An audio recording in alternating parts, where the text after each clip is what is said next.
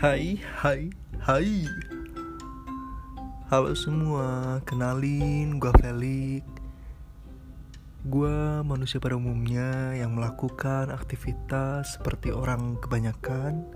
Dan di sini pertama kalinya gue bikin podcast. Kenapa?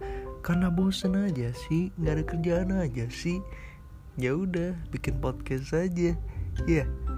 sorry kalau nggak jelas ya namanya orang bosen gak ada kerjaan.